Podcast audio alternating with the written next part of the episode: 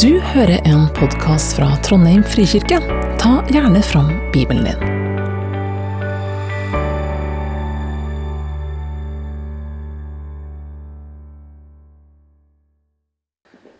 Okay, let's pray before we start. Before we pray, do we want to shut the door or is it okay open? I don't mind, whichever you want. Okay. Right.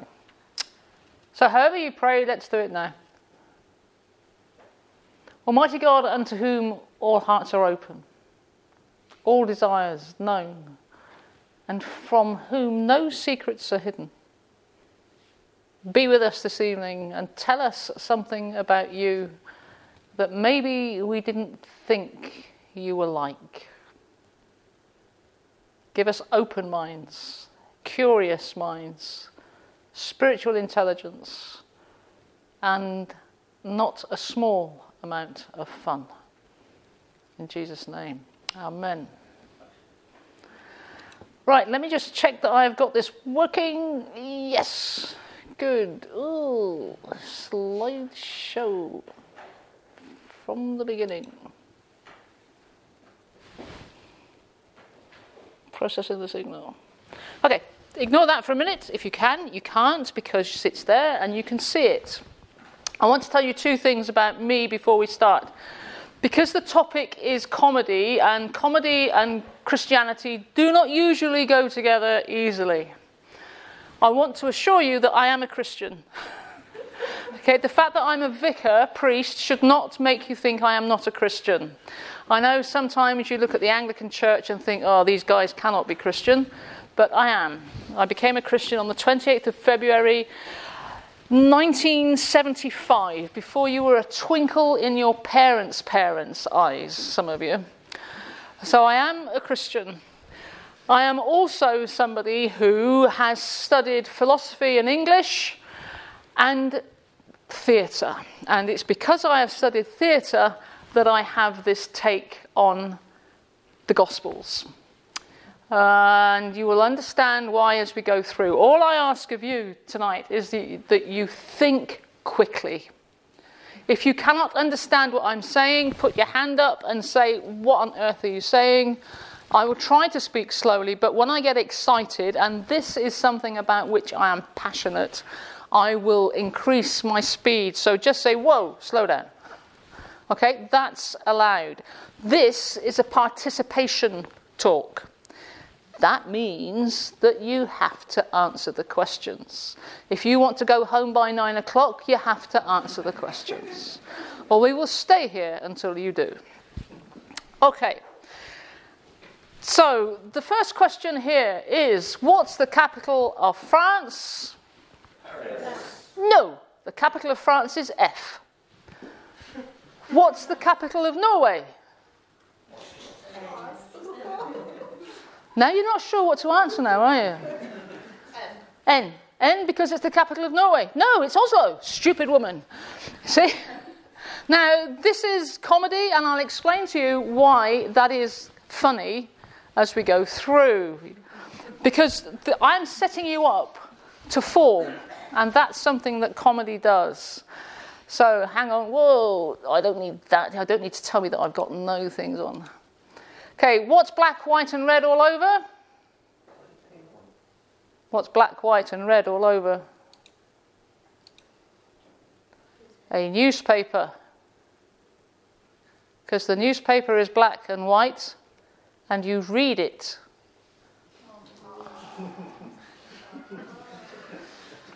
So here we are playing with how you say the word, how you spell the word red.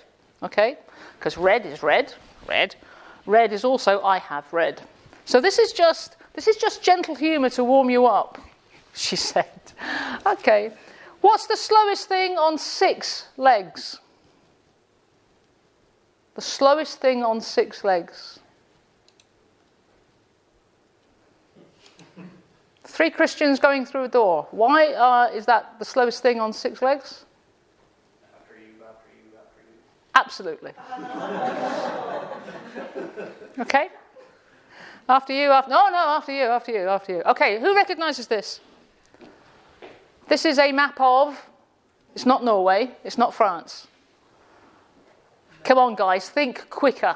Kingdom of Herod the Great. Yay, well played. Okay, so that's uh, the kingdom of Herod the Great. Somebody can read. Okay. Now then, the kingdom of Herod the Great is where Jesus lived, walked, and had his being. Okay? Does that sound familiar to you? Forgive me for being sarcastic because until you start coming back at me quicker, I will be sarcastic because that's my default mode. Right, okay, so let me show you something. This little bouncing arrow points you to a place. This place is called Sepphoris. You can't see it because I didn't enlarge it. But not far from Nazareth, where Jesus grew up, there is a place called Sepphoris. Has anybody heard of Sepphoris? Yeah, what is it? It's an old town. Now it's just uh, archaeological, archaeological. An archaeological site. Yeah. Do you know anything else about Sepphoris? Um, Marte, can you- uh, we were there four years. But you weren't listening to the guide tour, were you? No, okay, fine. Huh? Sorry, Sepphoris is the English pronunciation. So Sepphoris is uh, a place that's not far from Jerusalem, from where Jesus was brought up, and in the time, in the day, as the Norwegians say, it was the biggest theatre in the world, the Roman world. Okay, it was the biggest theatre in the Roman world. And in that theatre, they played the classical comedies and tragedies of Greek and Roman literature. And these are the tragedies and comedies upon which our civilization, the Western civilization, rests to a large extent. The, the way that theatre was produ- produced was just down the road from Jesus. Do you know the word liturgy? I know you're free church and you don't do liturgy. But do you, do you know the word liturgy? Yeah. Okay, it, do you know where it comes from?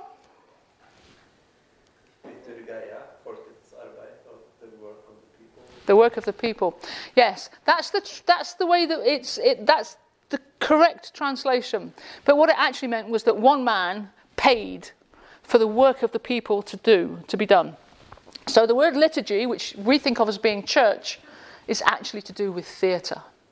Because it was in the theatre that all the plays were produced, and a person paid, sponsored, for the theatre to go on. Okay, so you get some idea that in Jesus' cultural milieu, in, in part of his society, people went to the theatre. Herod built it because he wanted to impress the Romans. Not because he was a great fan, but he just wanted to impress the Romans. So you can imagine, perhaps, in your mind's mind, Jesus and the disciples having a day off. They went to the. Th- what should we do today then? Oh, I don't know. Let's uh, let's go to the theatre. Okay, let's go to the theatre. So they go to the theatre, and during the interval, somebody nudges Judas and says, "Judas, you've got the money. Go and get the peanuts." Because Judas had. Do you remember why Judas has the money? Do you remember that Judas has the money? Yeah? Judas kept the company purse. So he was the man who could go and pay for the peanuts. And yes, they did serve peanuts during the interval. So this is Sepphoris. The cultural background of the Bible is important. We tend to think of the cultural background as being how many sheep did the normal shepherd have, and the shepherd went in front of the sheep, he didn't drive them behind. But there is much more culture to the Bible than just how the parables worked. It's the whole thing. Why do why do the why are the gospels written in Greek? When Jesus was living where the Romans were.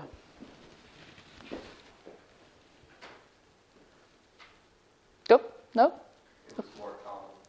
It was more common. It was a common language. It's the lingua franca, as we call it, ironically, a, a Latin word. The lingua franca today is English. In those days, it was Greek because Alexander the Great conquered the whole of the world as it was known then, apart from the bits in the north. And it was only when the Romans conquered the Greeks that Latin became important. How do we remember this in our faith story? What, where, where do Greek, Latin, and Hebrew come in one place at one time?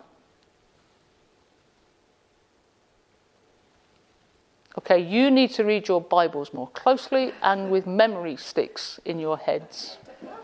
At the cross, yeah. At the cross. It was written, and Herod, um, Pilate, had it put on the top of Jesus' cross in Hebrew, Greek, and Latin. I am the King of the Jews. And the reason it was in the Hebrew, Greek, and Latin is because that was the languages that people were speaking in those days. Okay, does anybody recognize what this is? We need to go quickly, otherwise, we'll not get through this. This is a copy of one of the early texts that we have about the New Testament. I can't tell you which bit it is because I didn't copy that bit down off Google.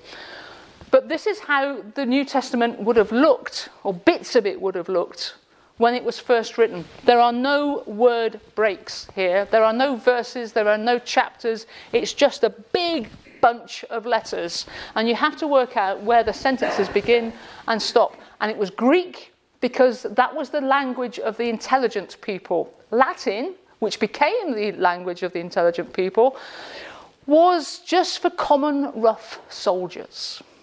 And Hebrew was the language of the literate Jews, but they also read in Greek. The Old Testament was written in Greek in Jesus' day, not in Hebrew. Okay, so let's get on to comedy. The theories of comedy. I like PowerPoint because you can play with it. I'd rather a fool to make me merry than an experience to make me sad. This is some of my understanding of what comedy is as we go along here. And um, this is postgraduate research, so it's credible. It's not just me having a, a, a mind freak. So I, don't worry about all the words because we need to get through this tolerably quickly. But what it says here is that comedy cannot be reduced to a simple equation. If I said to you, What's comedy? you could give me all sorts of examples of comedy, like what's the capital of France, F, what's the capital of Norway, Oslo, no, there. But essentially, it's mixed and it varies from person to person, but there is a common understanding of what comedy is. Okay? So it goes across all sorts of things from satire, black humour, nasty humour, all the way through to slapstick. Do you know what I mean by slapstick? Okay, slapstick is when you slip on a banana skin and you fall over, or when somebody throws a mud pie or, or a, a cream cake into somebody's face. Why is it called slapstick? Because once upon a time, in the days when there were fools, they had um, a stick, and on the end was a pig's bladder full of air, and if people didn't laugh, they would go and hit them. It was a slap stick. That's where the word comes from. And everybody would laugh at everybody who was getting hit, as long as it wasn't them. Okay, so this is the common phrase. This, this man, bless him, was miserable, and he's not the only person who said it. Jesus didn't laugh, neither should we. And they say that because it's not written in the Bible anywhere that Jesus laughed. Well, they haven't read the Bible properly, she said. And there are lots of other things that's not written in the Bible that we do do. Like it doesn't say that Jesus went behind the rock and had a wee, but we assume that he did because he was a human being. Do you know what I mean by had a wee? Go to the toilet? Yeah. But just because it doesn't say it.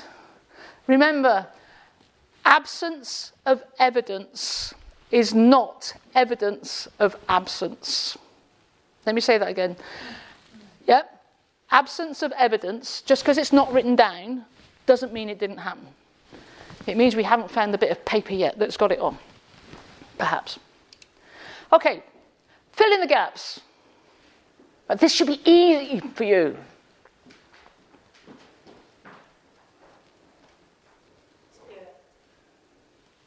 No? There's a clue here. I come that you might have. Jesus said, I have come that might might be in you and that your might be full. Do you remember this? This is in John 15 11. I've come that you might have joy and that your joy might be full. I've come that you might have life in all its fullness, is the next part of the sentence. Okay, so what's, the, what's comedy? Easy definition comedy is the opposite of tragedy. It's universal. Everybody has a sense of humour. Well, most people have a sense of humour. There are some very sad people who don't, and they are deeply sad people. It's unique to individuals. What you find funny, somebody else may not. But on the other hand, everybody has a sense of humour. Communities have a sense of humour. Okay, the Norwegians will take make fun of Swedes. Is that is that what you said? Yeah. yeah, yeah. The English people always take the mick out of the Irish or the Welsh or the Scots or the Europeans or the Spanish or the Germans or the French, especially the French. Nobody likes French.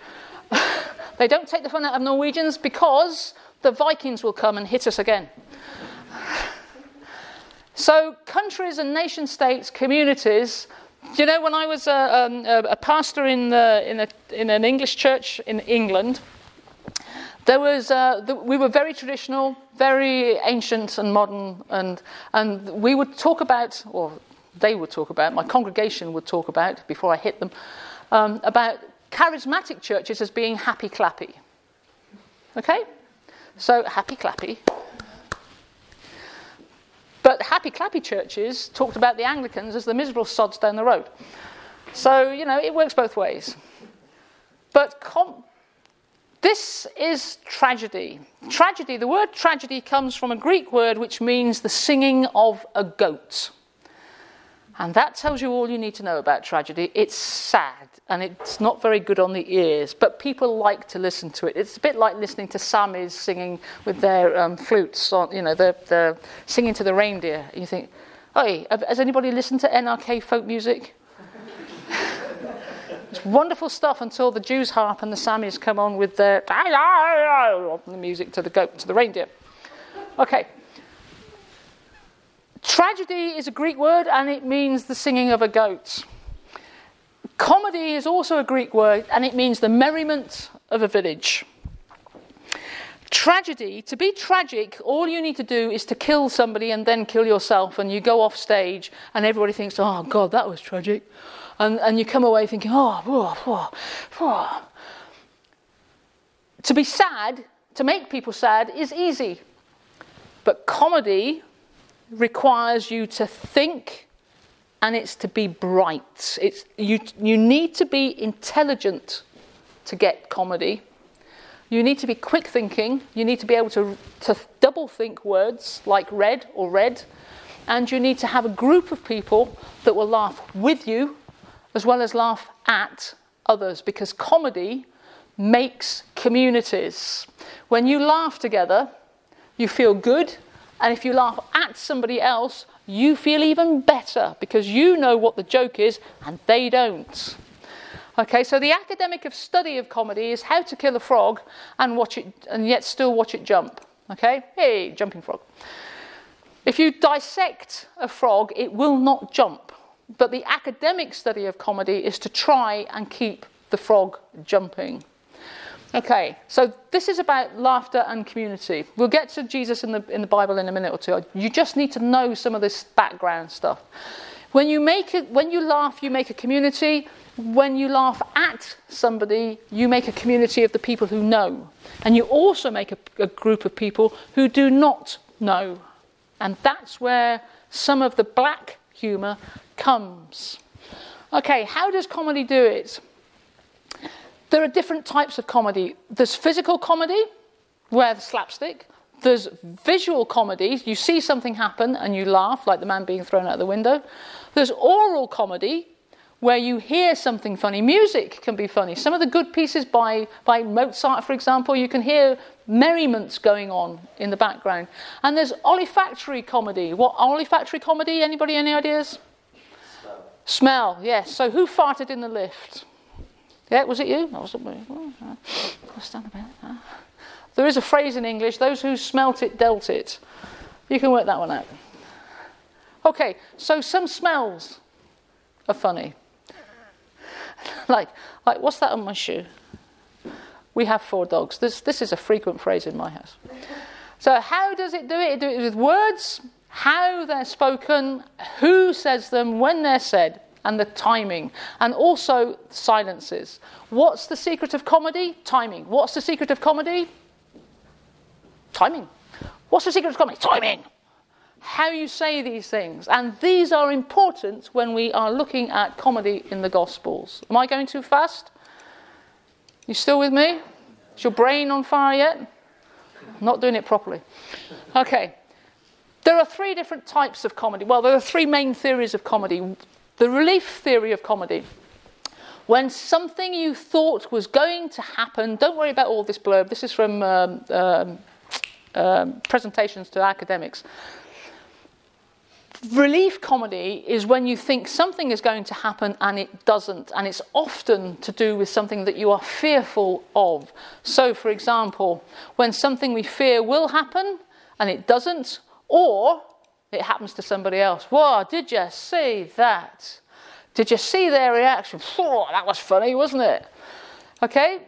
Or it's nervous laughter. Who knew? What's going to happen now then? Do do applause. Okay? Bravado. Oh, I can do that. Yeah, come on, watch me. Yeah, bring it on. Matey. Blokes together, men together will often, and women too. Oh, women can be worse. Because this sense of of togetherness, community, makes you feel stronger against the people who are weak. And that brings us to another type of comedy called superiority. But for now, let's start thinking Bible here. Relief. Do you remember when Jesus was walking on the water and the, then he eventually got in the boat? And it says at the end of the episode, the disciples were filled with awe and wonder. What that translates to is they said to each other, Did you see that? He was walking on the blooming water. Wow, that's amazing. Let's tell so and so how they'll never believe us. You know, when this sort of chatter starts, then you have relief comedy. The sinking ship, or when, when Peter started to sink. You know, he sees Jesus on the water. He says, I'm coming to you, Jesus. And the, the other disciples in the boat say, Yeah, go on then, go on then, get out of the boat, Cephas. You'll just sink. Why did they call him the rock? Because he always sank. So he starts walking on the water, and Jesus says, Come on, mate, let's pick you up. So this is a really, oh, thanks very much, Jesus. Ah, and the disciples in the boat saying, yeah, yeah, Peter, you're a twerp. And, but at least he did it, which the other disciples, of course, did not. So they lost. John 11, we'll come back to John 11 in a moment. What's John 11? Ah, do you know what John 11 is? Don't look at your time. John 11 is the, one of the most amazing chapters. It's the raising of Lazarus, okay, and all of the stuff that goes with Lazarus. The resurrection. Has anybody occurred to you that the resurrection is funny? Has it, has it ever occurred to you that the resurrection is one of those most amazing moments in history which will just stun everything? So imagine yourselves, close your eyes, imagine that you're Jesus, you're dead. Well, it's difficult to imagine yourself being dead, perhaps, but just try it for a minute. So you close your eyes, you, you the clock is ticking, Friday's gone, Saturday's passed, now Sunday morning. You're lying on the tomb, flat out, and suddenly you know that it's finished and it's done. And what do you do? You raise one, you, you open one eye, you open the other eye. Hey, whoa, Dad, we did it. Yes, let's go and frighten the disciples. and that's exactly what they did the disciples were frightened. And then, of course, you get this wonderful dialogue between um, Mary Magdalene and Jesus, where she cries and she, uh, she hugs him. And Jesus says these words which theologians have, have worried about for centuries. When, when Mary Magdalene hugs Jesus, and he says to her, Put me down, for I'm not yet ascended. And there's all this rubbishy theology about how Jesus has to go up and how Mary has to let go of Jesus because this is how it is. Rubbish not quite rubbish, but it's not the whole story. When you see somebody that you love and you haven't seen them for a long time, you hug them and you hold them tight. And the person who is being held tight says, Put me down! I'm not gone yet. And it's this simple interaction of two people. She thought she would never see him again, and she does. And he says, Put me down. I've not finished yet. You need to do other things.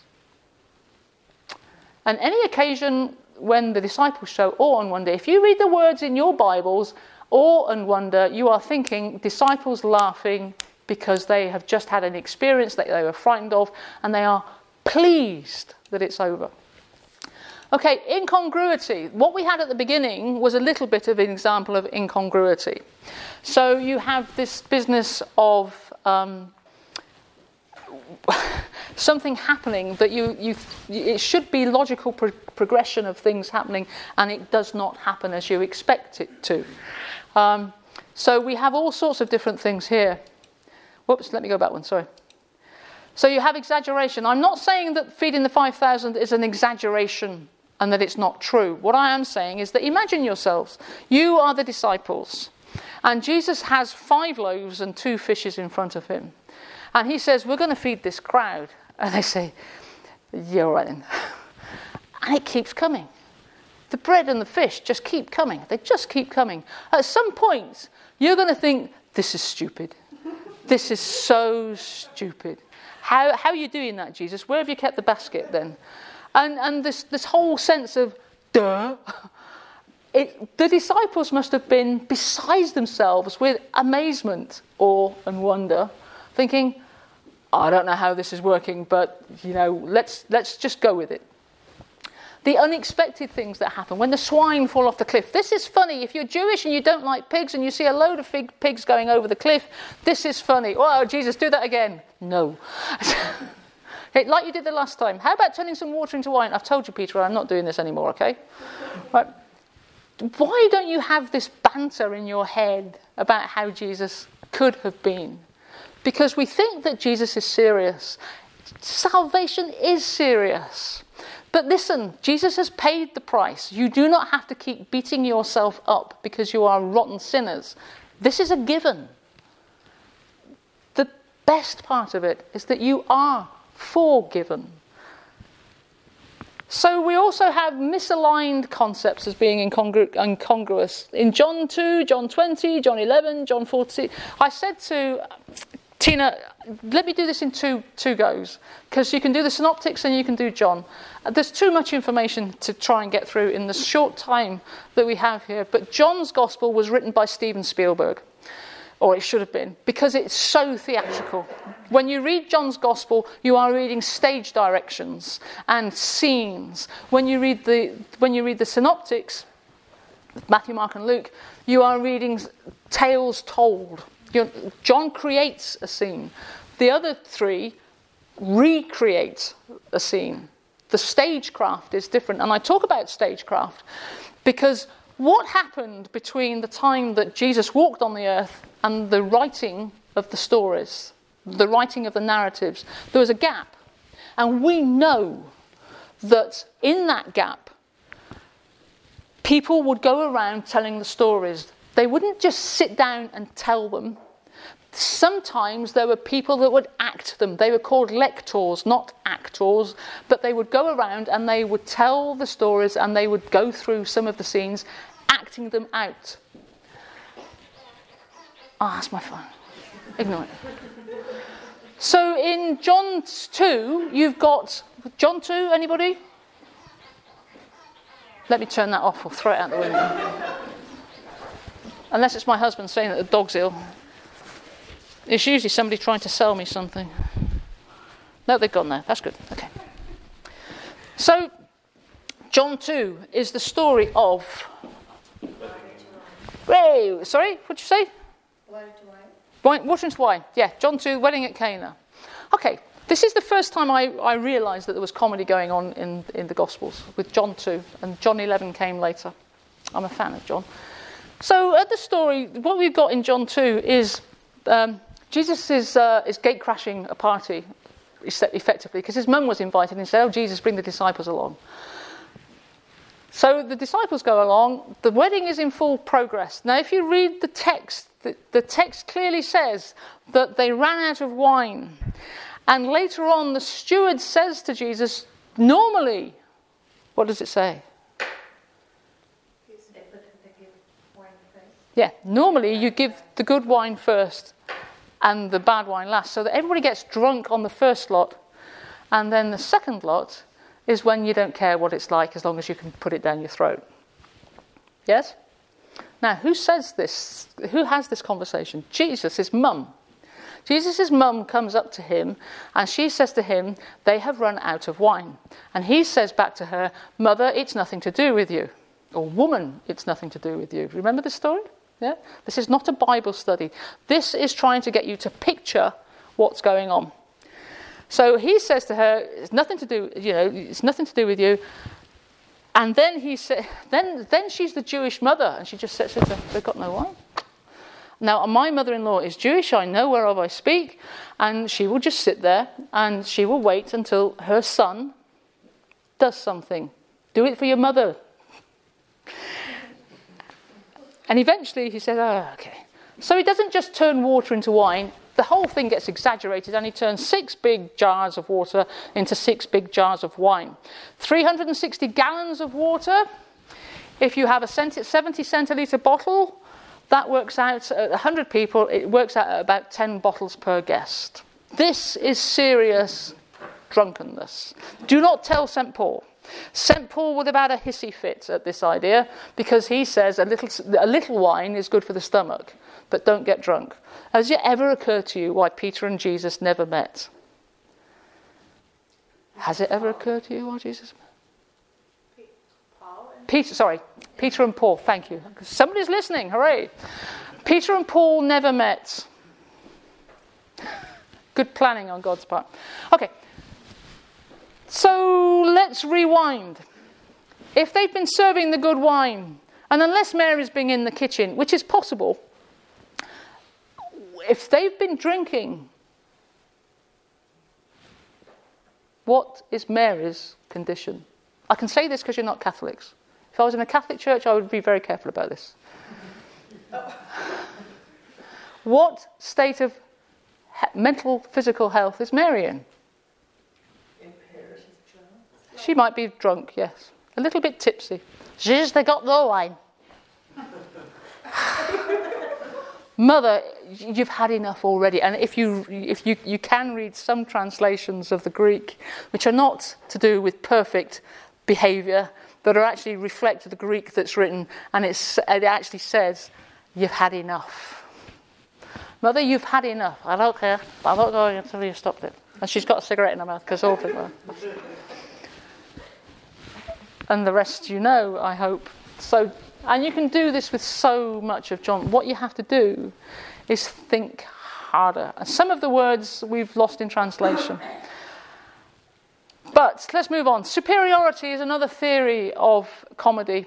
And sadly for us as Christians, superiority um, theory was the one, it's, it's based on actions and it's based on analysis. But we know, those of us who study comedy, we know that in the early period of, of Western civilization or civilization full stop, superiority was the name of the funny stuff. And by, by funny stuff, superiority means that you look down on people who are weak. Bear baiting, killing slaves, killing animals in the theatre. This was good theatre. This was attractive. This was something that was funny. You know the reason thumbs up, thumbs down? Yeah? Thumbs up, the man can live. Thumbs down, kill the man. And the crowd would cheer. Yay, kill him, go on, show us a killing.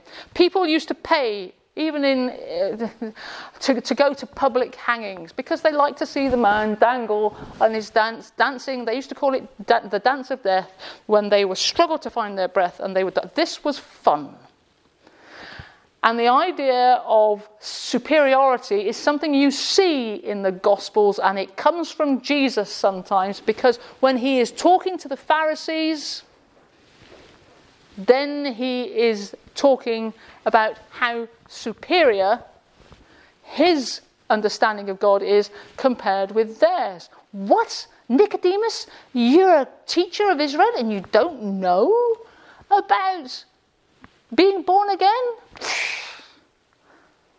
Now, you can read Jesus as gentle and meek and mild, or you can read Jesus as robust. And I obviously go for the robust version of Christ as well as the gentle from time to time, of course. But this business of superiority comes into play full square at John 8. John 8, tell me, what is it? Don't worry about belittling, that comes later. You brood of vipers? Sorry? You brood of vipers? No, John 8, it's a, it's a, it's a patch at the beginning of John 8's Gospels. We're not quite sure if it was, it's written by John, but it's there. The. Yes, the woman caught in adultery. So, the woman caught in adultery is a, is a wonderful choreographic story, a story with lots of movement in it. She's brought in, Jesus squats down on the ground and starts writing, and all of the Pharisees and the Sadducees are, are, are arguing and wanting to kill this woman. People have come with stones ready to throw at her. And then he stands up and he looks across the woman down here, straight at the Pharisees, and he says to them, Who's without sin? Throw the first stone. What you need to know as well is that the word gospel doesn't just apply to Matthew, Mark, Luke, and John and the hidden gospels of Thomas and Judas, but also it applied because it was a genre, a type of literature.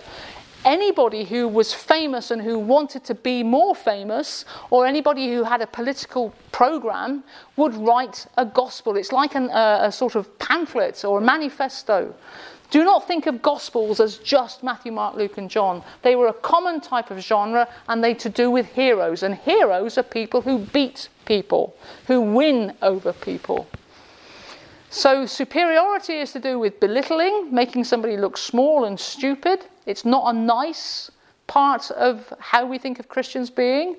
Love your enemies, but Jesus did it to the Pharisees. And you can see him doing it. Ostracizing, it cuts people off. It creates a community of the outsider. It brings people down. It makes them look small. You mock people. It's very easy to mock. I've been doing it this evening, trying to get you to react. Black humor, sick humor. I'll tell you a joke that you will hit me for. How many Jews can you get in a Volkswagen? 400. Two in the front, two in the back, and the rest in the ashtray. It's horrendous. But this was a joke that was common in the 1960s in Germany. We wouldn't do it today. And telling it makes me feel horrendous. But it's an example, and a bitter example, especially as my husband lost some of his family in the Holocaust, of black, sick humour.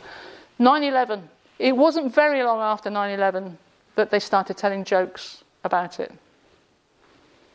This is human nature. You talk about human nature being black and nasty, and that's what it's about. Work humour, work related humour. I was a copper, for, I was a police officer for many years, and we would have our own particular type of humour. And it was not pleasant. I also worked in a mortuary for a while, and I'll not tell you mortuary jokes, but um, but all of you who work in a, in a community, you will have your own community jokes. IST related, things which are related to IST and isms, communism, racist, uh, sexist, any, any IST, there are always jokes within the community. An inverted superiority, when the minority group start telling jokes against the majority, it's to make them feel that they've got something over. So in Jewish concentration camps, you would get jokes about the guards. It's how people resist being beaten down. Okay, let's move on. Yeah. Would you place um, self irony in that? Sort Yep, of, uh, absolutely. Well, your limitations and Yeah. Yeah, ironies. The, the only there, there are some uh, Christians who do not like the idea that Jesus could be sharp or, or funny against other people, and and they do not even like the idea that Jesus could be ironic, but he was, and there are examples enough of it. So what I want you to do when you next read your Bible is think of uh, who, what, when, where, why, how, to interrogate the scene. Um, these are ways of breaking a text or a story apart. So, in what, what we've got here is let me just go to this, you'll recognize it straight away. This is the story of the paralyzed man being let down through the roof, yeah? You know the story? Familiar with it? Paralyzed, not paralytic. Paralytic means you've had too much to drink, paralyzed means that you can't walk.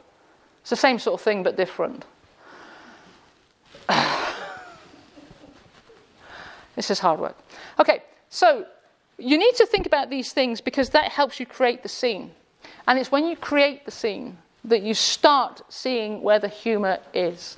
Now, this story, which you all know well, don't, don't worry too much about the words because we'll talk, I'll talk you through it. So, you've got Jesus who's going to talk to a group of people.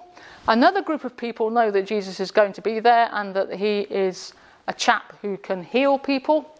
So, what the story tells you then is that these men wanted to bring their friend to Jesus and they couldn't get into the room because the crowd was too big. So, what do they do? They go onto the roof. And in this gospel version, it says that they removed the tiles. In other gospel, in Matthew, it says they broke through the flat roof. Whichever story you want, maybe he did it twice. But either way, you are sitting here tonight listening to somebody speak, and up on the roof there is a group of people hammering in to get through the roof. You're sitting here, all of a sudden the, the roof starts to fall in. If you're English, you will ignore this. And you'll say, oh, dear, dandruff bad tonight. Um, but nevertheless, you have the roof coming in. And suddenly the attention is no longer on Jesus talking, but what the hell is going on on the roof? Go and look on the roof. I can't get out. I'm not going up there. And then suddenly the roof breaks apart. Now, theologians will tell you that this is representative of death and the man going down to, um, into um, the, the grave and that Jesus will raise him up. Fine, it works for me as well. But what you've really got is a group of men letting their mate down. So their mate is paralyzed. What the? I, so the man has no choice. He is going through the roof. His mates have decided that he is going through the roof. You, you sit down, lie still. We'll sort it out later. Just, just, just relax, chill out. so he goes through the roof. And then you have all the mess, and the, the, the owner of the house is going mad because he's got a big hole in the roof, and you've got these four men looking down, and you've got this one man looking up, and you've got everybody thinking, what the hell's going on here? So this starts to become slapstick, stupid comedy. You can take it as seriously as you want, this story, but you have to read it like a script. Because when you start to see the pictures, the world changes. So the man comes down. He's down on the floor. Jesus is here. The Pharisees are going mad because, because their story is being interrupted. And Jesus says something which really upsets them. So you've got the story in front of you. When he saw their faith, he said to him, Friend, your sins are forgiven. And then the scribes and the Pharisees just hit the roof. Well, they can't hit the roof because the roof has gone, but they go mad. So then what, you, what you've got, picture of the scene. You've got the man here on the floor, you've got Jesus here standing up, and you've got the Pharisees here. And whilst this conversation is going on, you've got a tennis match going on. You've got the man saying, Pharisees, Jesus, Pharisees, Jesus, Pharisees, Jesus. Oh, I can't move because I'm paralyzed. I do not want to be here. I do not want to be here. Get me out. so Jesus says to him, so, which is it easier to say, Your sins are forgiven, or get up and walk? Trust me, I'm a priest. It's easier to tell anybody their sins are forgiven. Tell them to get up and walk, and it's difficult. But he does this. It's miraculous. And he says, Take up your bed and walk. And you can imagine this man will take up his bed and go as fast as his little legs will now carry him. My legs don't work. Yes, they do. Get out. Do you see where this is going? Stop seeing the Bible as just words. See it as words which describe something. And at the end of this text, you've got awe. We have seen strange things today. And they went home and they buzzed. It was on Facebook. Can you imagine what multimedia would have done with this story? So, what I'm trying to suggest to you is that there is more in the words when you start pulling them apart. Who, what, where, when, why, how. Start reading these things. On the front of my, um, my old complete works of Shakespeare, it was always written who's on stage. And it's a good clue to reading the Bible. Who is there? What are they doing? What are they saying? So now let's have a look at this old chestnut, which, which really upsets some people because at the very end of it, it says, As for this worthless slave, throw him into the outer darkness where there will be weeping and gnashing of teeth. And everybody thinks this is greatly sad and horrible, and, and how on earth could this nice man Jesus say something like this? Do you remember what I said about exaggeration and slapstick?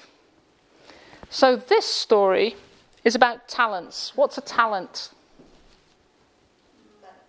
Money. It's money. Yes, it's not a gift in the sense of something you can do, it's money.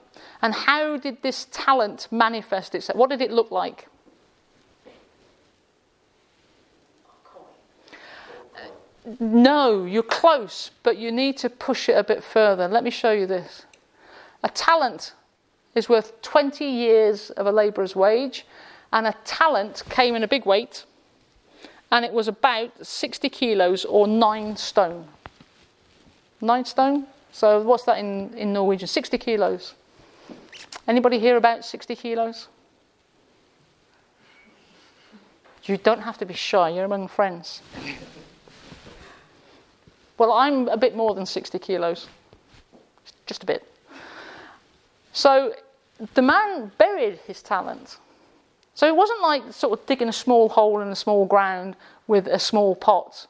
If he wanted to bury nine stone, 60 kilos of talent, he would have to build a very big hole. He would have to dig a very big hole. Why not put all of that effort into doing something with the talents? But no, no, no, no, no, because he was frightened that he wasn't going to make it. And he knows that the, the man who gave him the talent is, uh, is, is sharp and, and you know, wants, the, wants his money back. But what we're missing is the start of the story. A man going on a journey summoned his slaves. What is it about slaves that we think of first when we think of slaves?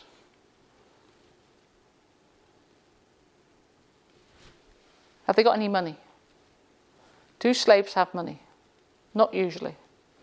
So, this man, the story starts with the setup, and the setup is this is a comic story.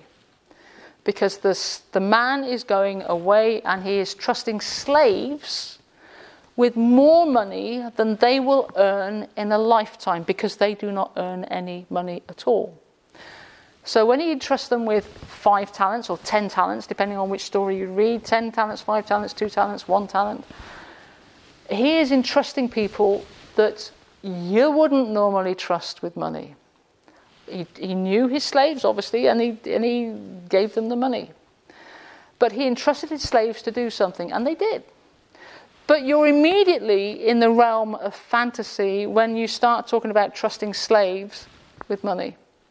And it's this strangeness of story that by the time you get to the end, this business about going into outer darkness, yes, you can take it seriously because each story has two levels at least to go on. But the first hearing of this story to people who wanted to be entertained, they came to Jesus to be entertained, not just to hear about the kingdom of God, but he told good stories. And this is one of them. Because at the end of this story, what you've got is slapstick comedy. So he's, he says to them, Oh, go away, go away, go into the outer darkness. And you can hear him being driven out into the outer darkness. Don't let me, don't let me. Go, yeah, we're going to hear you, we're going to hear you. No, don't let me, don't let me.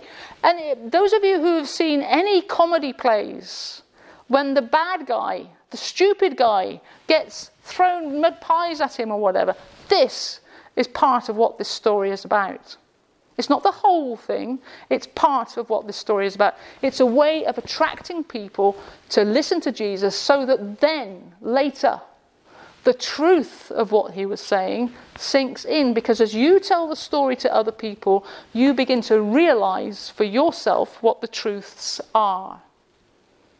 Jesus was a good storyteller. He didn't tell boring stories, he entertained people. When I first became a priest, people told me it's not about entertainment. Rubbish. If you do not entertain people, if you do not present Christ, if you do not do the liturgy in a way that keeps people's minds thinking, you lose them. So, this story is not what it seems. And the reason I believe it's not what it seems is because I look at it with a theatre eye, not just with an academic, intellectual eye. Bible studies are about studying words, they can be about studying actions in the work. Let's carry on and see what else we've got here. So we know about this, um, this business of the talent. Let's look at this story here, and this might break it apart for you a little bit more. Peter. What do we know about Peter? Okay, what did Peter do? Peter's job was a fisherman. What are fishermen noted for? Yeah, they, they, they, they tell tall stories. Okay? But Peter was also um, a little bit thick, perhaps. Maybe that's why he fell out with Paul. But he was also very fiery and he was also very quick to judge. Do you remember when he said to Jesus, Jesus says, Who do people say that I am? And, and Peter said, You are the Christ. You are the Son of the living God. Well done, Peter. We're going to Jerusalem. No, we're not. you are the Christ, the Son of the living God, and I'm telling you, you're not doing it. You need to think about this. So, Peter was one of 12 disciples. So, they're walking along the road, and who is with Peter? Let's think that it's all the other disciples, because that's the, the, the, bigger context of this story is that the disciples were with him. So Peter said to Jesus, Lord, if a member of the church, brethren, sins against me, how often should I forgive? Now, why is Peter asking this? What's Peter done to upset somebody? That he needs to be thinking about how many times do I forgive them? Or maybe he's the one who's been upsetting somebody and he wants to be forgiven, but Matthew is saying, I've had enough of it, mate. If you want to play like that, you play like that, but don't involve me. Peter is asking Jesus because he wants Jesus to be the referee. So, who else is there? Matthew, Mark, Luke? No, not so, because the gospel writers were not apostles. You need to think through harder on that one. But we certainly know that the other disciples were there because they were on their way to somewhere. So maybe they were having an argument, and the argument brews up, and they go to Peter goes to Jesus. How many times must I must I forgive them? Now Peter's a fisherman, and I think Jesus' answer is quite teasing. Do you know what I mean by teasing? He's, he's playing Peter. In some Gospels it says 70 times 7, in other Gospels it says 7 times 7. 10 fingers. 7. Okay. Peter, a little bit not, not bright. How do I get to 7 times 77? So you can imagine Peter taking his shoes and socks off to try and find 77 out of it. But there were some people who could do maths in the group, Matthew, the tax collector. So when Jesus says to poor old Peter, not seven times, but 70 times seven, and the reason I put the times table along there, Peter couldn't do it. It was just too big for him to compute. Maybe. It was a bit of fun. Jesus was teasing Peter. Peter was always good for teasing because Peter was always quick to react. And sometimes winding people up is part of the fun. Do you believe that? Are you honestly going to try and tell me that you do not tease one another? Because you do. Before we get to the last couple of slides, let's go back to, to John 11. So, this is the story of Jesus and the resurrection of Lazarus or the raising of Lazarus from the dead. There are some wonderful, wonderful, wonderful lines in this, like Martha running out to Jesus to say to him, If you'd been here, Lazarus wouldn't have died. And she is cross. She is angry with Jesus. If you'd been here, Lazarus wouldn't have died. And in my mind, because Martha is the person who is always doing the cooking and the looking after, and she says to Jesus one time, Why don't you tell Mary to help me? Because you're too busy being busy. So maybe she's got a rolling pin in her hand, and she's saying to you, if you'd been here, this wouldn't have happened. This is not somebody who is, who is silently grieving. This is somebody who wants to tell Jesus what she thinks of him. And he says, I am the resurrection and the life. And she says, Yeah, yeah, yeah, yeah, I know that. Just heal my, my brother. So then they go back, and um, Martha tells a few lies to Mary, says, like, Jesus is asking for you. No, he's not. It doesn't say that in the text. And then they, they say, Jesus says, roll the stone away. And Martha says, he's going to smell. He's been dead four days. No, no, no, roll the stone away. So somebody has to roll the stone away. Now, when a Jewish corpse is buried, and, and John actually tells us this, if you read the text, it, John tells us this at the very end, so you then have to go back and read the story again, putting the information in. John gives stage directions to the people who are acting. And John says that Lazarus was bound hand and feet, and his jaw was taped which is standard way of burying somebody so that the jaw doesn't loll open in death. If the jaw lolls open, if the jaw falls open in death and you move the corpse, all of the stomach gases come out and it's disgusting. I used to work in a mortuary. So when the when Jesus calls to Lazarus, Lazarus come out. How does he do it? How does he do it? He helps. He helps. There is one theologian um, called Hendrik who says it is silly to imagine how Lazarus got out of the tomb. We just have to accept that somehow it did. No, no, no, no. You have to think how he did it. So Lazarus is bound, hand and feet. His arms are down here. His mouth is taped up. And Jesus says, Lazarus, come out. Are you serious? I can't move. So eventually he comes out, and this is where the tragedy breaks into comedy because Lazarus does hop out. And at this point, you have lots of different reactions from the crowd. Some are scared and run away, or and wonder, whoa, I'm not staying around here. Some of them faint because to see a corpse walking again must be well scary. Some of them think, hey, I'm going to stay around here and watch what happens now. And others are practical. Martha, practical. Jesus says, unbind him. Now, true enough, there is lots of theology in this. You know, if you've died in your sin, you want to be unbound from your sin. But there are two ways in Jesus' day of dressing a corpse. One is to just put a shroud over them, a simple dress, and the other is to wrap around with bands of linen, like a baby is in swaddling clothes. And you can make theology from that too. So now imagine the man has got, he's, he's wrapped around, and to unbind him, you start doing this, and he is spinning on the spot.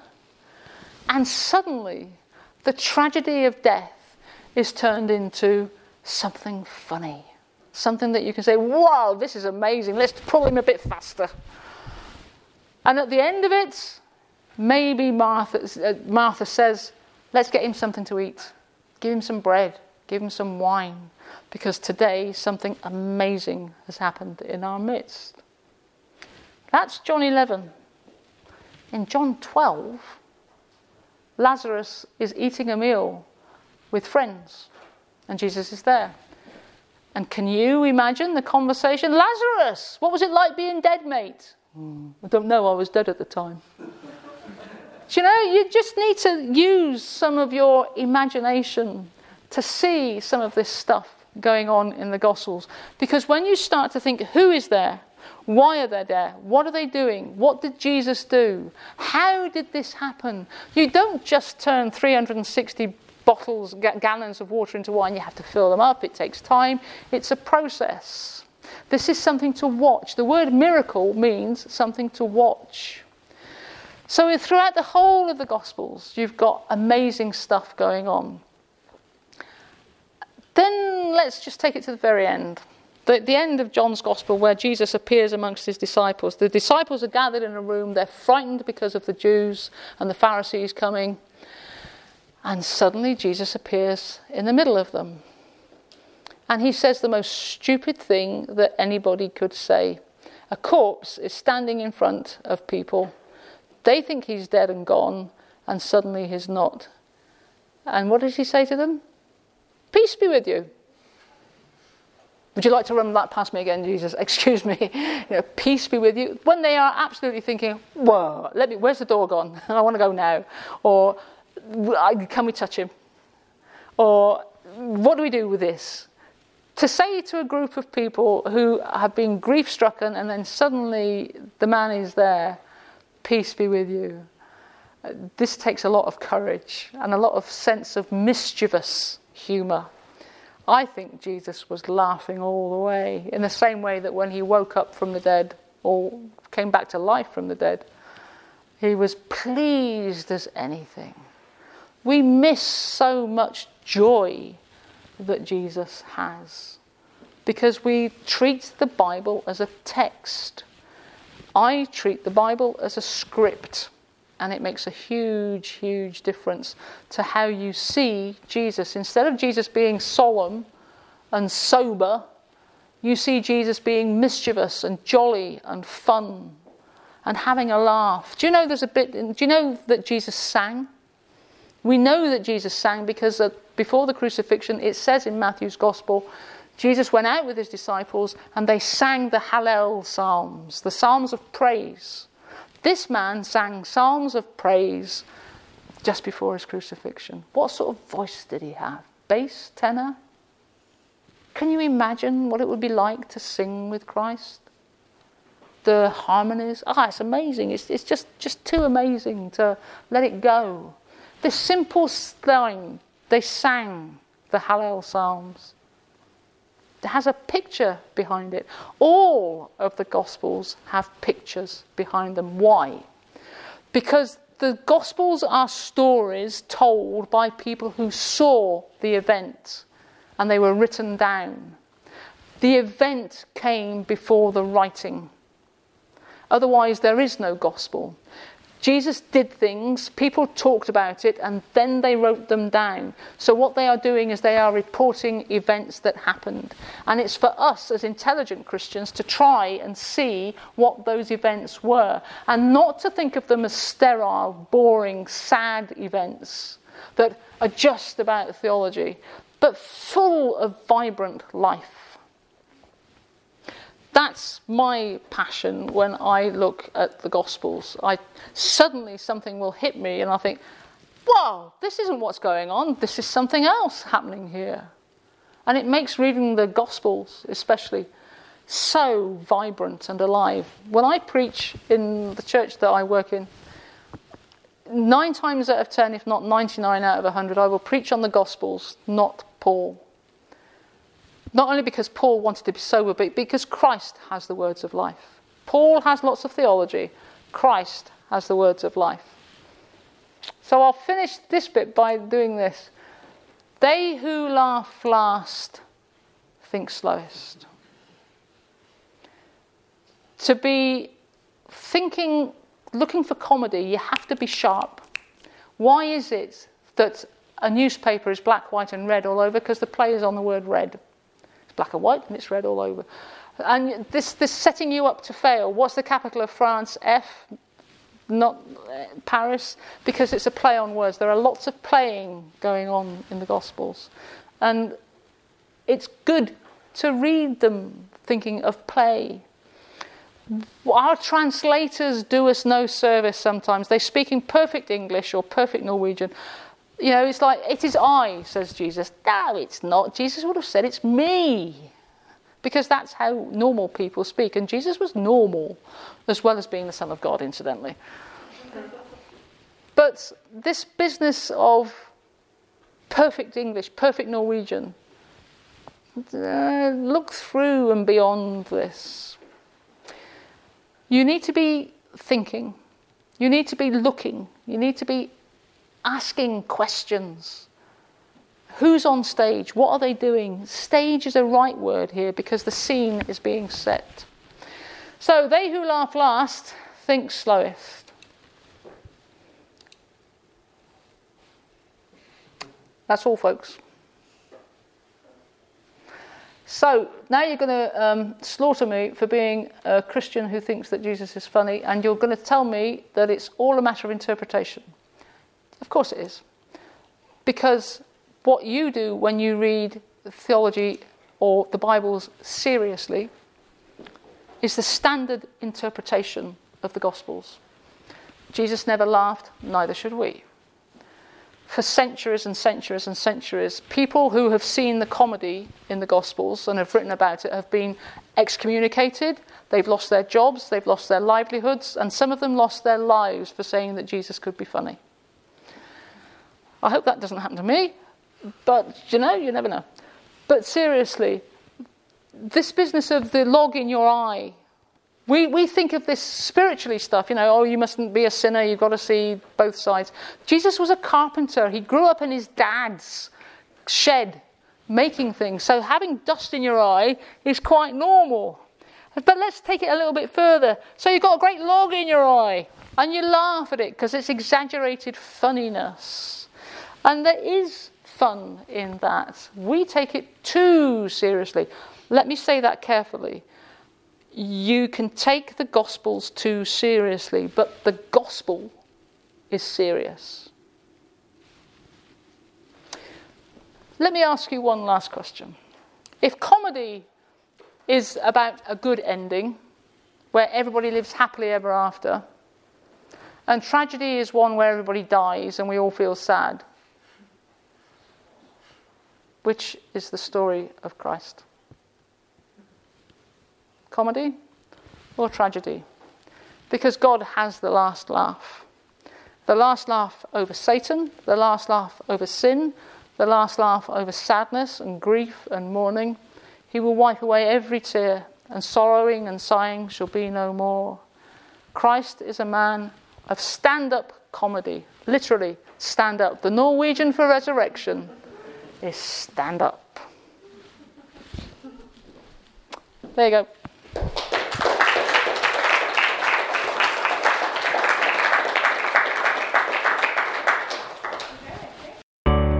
Takk for at du hørte på. Velkommen til gudstjeneste søndager klokka 11.